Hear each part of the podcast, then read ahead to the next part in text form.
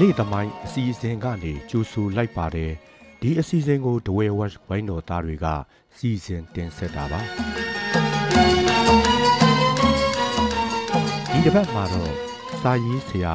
မောင်စိမ့်ထွေးဒဝဲရဲ့ BIA ကော့တောင်းရောက်ခဲ့စဉ်ကဆောင်းပါးကို တင်ဆက်သွားမှာပါဒီဆောင်းပါးကိုဒဝဲဝက် website စာမျက်နှာမှာ2015ခုနှစ်မတ်လ4ရက်နေ့က တင်ဆက်ထားခဲ့တာဖြစ်ပါတယ်။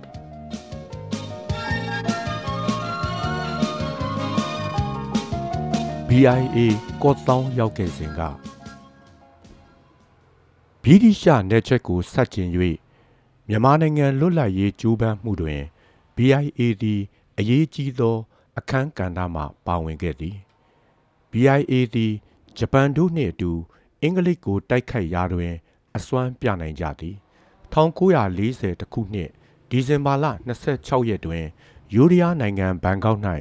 BIA ကိုဖွဲ့စည်း၍လွတ်လပ်ရေးမျိုးချီရဲဘော်၃ကျိတ်တို့ရှေးအစဉ်အလာထုံးစံအတိုင်းလက်မောင်းသွေးဖောက်တောက်ကြပြီးမြမလွတ်လပ်ရေးနှင့်ရဲဘော်အချင်းချင်းပေါ်တစ္ဆာရှိပါမည်ဟုကျမ်းတစ္ဆာခံယူပွဲအခမ်းအနားကျင်းပသည်ဘန်ကောက်၌မွေးဖွားသော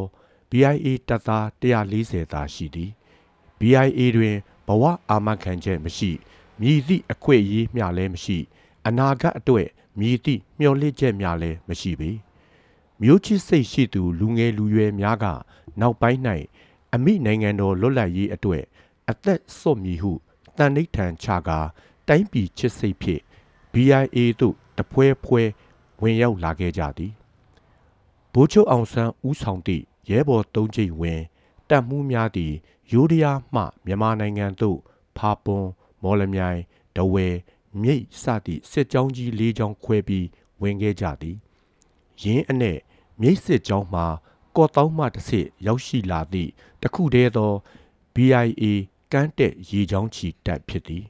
ဘူရန်နိုင်ဘူမင်းခေါင်ဘူတောက်ထိန်တို့ပါဝင်သောကမ်းတက်ရေချောင်းချီစစ်ကြောင်းသည်1940ခုနှစ် ဒီဇင်ဘာလ31ရက်၌ဘန်ကောက်မြန်မာနိုင်ငံတောင်ပယ်စွန်းဝီတိုရီယာအငူကော့တောင်းသို့ချီတက်သည်ရင်းစစ်ကြောင်းကကော့တောင်းကိုသိမ်းပြီးကမ်းယူတန်းတလျှောက်ရှိကျွန်းစုများအတိုင်းမြောက်ဘက်သို့ဆက်လက်ချီတက်ရန်ကနဦးကပင်ကြံရဲထားပြီးဖြစ်ရာလူ30ပါတန်ပန်2စီး15ယောက်ပါတန်ပန်3စီးနှင့်ဖွဲ့စည်းခဲ့သည်ထို့အပြင်ကော့တောင်းရောက်သည့်နှင့် ငြိမ်ဝတ်ပြပြရေးတာဝန်ကိုဆောင်ရွက်ရန်အစီအစဉ်ချမှတ်တဲ့ကဲ့သို့တီးခြားစစ်စင်ရေးကိုလည်းအဆက်မပြတ်ဆင်နွှဲသွားရန်ဆုံးဖြတ်ထားပြီးလည်းဖြစ်သည် BIA ကမ်းတက်ရေချောင်းချီစစ်ကြောင်းဘန်ကောက်မှမထွက်ခွာမီဘူချုပ်အောင်ဆန်းကဂျပန်စစ်သားဟာစစ်မြေပြင်မှာတပ်ဦးကတိုက်ပြီးတိုက်ရင်အသေးခံတယ်တို့ကသူတို့ထက်တက်တိနဲလို့မဖြစ်ဘူးသူတို့ထက်တက်တိနဲရင်တော့ အင်မတန်ရှက်စရာကောင်းမယ်ဟုဩဝါဒပေးခဲ့သည်အင်အား60ခန့်ရှိစစ်ကြောင်းဘန်ကောက်မှရနောင်းသို့ရောက်ရှိလာသောအခါရနောင်းတွင်ကြိုတင်ရောက်ရှိနေသောတဝဲဇာတိဖြစ်သူဥပုလူ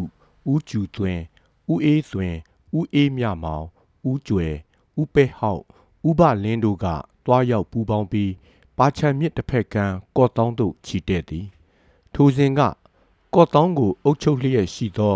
နေပိုင်ဝန်တော့မျက်နှာဖြူလူမျိုးမစ္စတာဂျေစီနီနှင့်ရဲအရာရှိမစ္စတာအော့ချက်တို့ကိုဖမ်းဆီးထိန်းသိမ်းပြီးကော့တောင်းကိုသိမ်းသည်အခြားဗြိတိရှအရာထမ်းအမှုထမ်းများမှ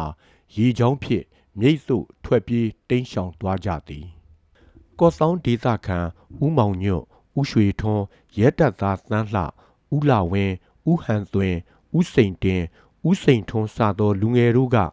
တပ်သားတင်များအဖြစ်ဝင်ကြသည်စစ်ကြောင်းအားနေရာထိုင်ခင်းစီစဉ်ပေးခြင်းစားနပ်ရိက္ခာပတ်ဘူးကူညီခြင်းရန်သူတည်ရယူပေးခြင်းလှေတံပံများပြုပြင်ပေးခြင်းလမ်းပြခြင်းစသည်တို့ကိုဒေသခံလူထုကအဖက်ဖက်မှအားတက်တရောကူညီကြသည်နယ်ချက်ဆက်ကျင်ရေးစိတ်ဓာတ်ပြင်းပြသောဖွာစောစုသူမှာထင်ပေါ်သောအမျိုးသမီးတဦးဖြစ်သည်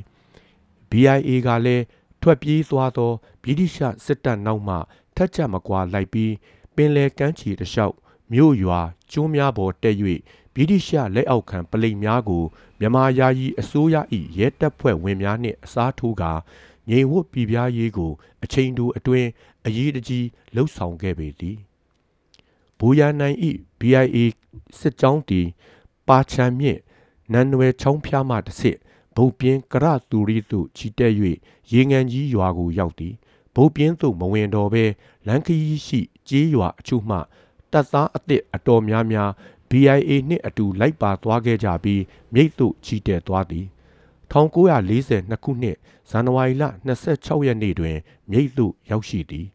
မြိတ်တွင်လွတ်လပ်သောယာယီအယက်သားအစိုးရအုပ်ချုပ်ရေးအဖွဲ့ကိုချက်ချင်းဖွဲ့စည်းပေးသည်မြိတ်မှလူငယ်လူရွယ်အမြောက်အများ BIA သို့ဝင်ကြသည်ကန်ချာနဘူရီမှဖြတ်ကျော်၍ချီတက်သွားသော BIA တဝဲစစ်ကြောင်းက1942ခုနှစ်ဇန်နဝါရီလ19ရက်တွင်တဝဲကိုသိမ်းသည်ထို့ကြောင့်မြိတ်ရောက် BIA ရေချောင်းချီစစ်ကြောင်းသည်မြိတ်မှကြက်ခမီသို့တစ်ချက်တည်းဆန်တက်ရန်အပူတပြင်းစီစဉ်တော့သည်ထိုအချိန်တွင် ရေချောင်းမှချီတက်မိ BIA တဝဲတက်ကြီးကလည်း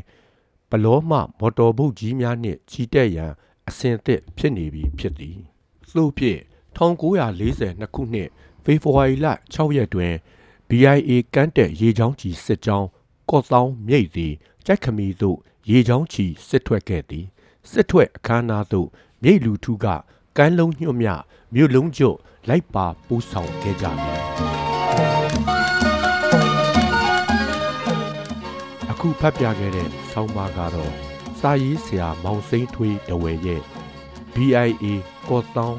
ရောက်စဉ်ကဆောင်းပါးဖြစ်ပါတယ်အခုလိုနားဆင်ပေးခဲ့တဲ့အတွက်အထူးကျေးဇူးတင်ရှိပါတယ်ခင်ဗျာ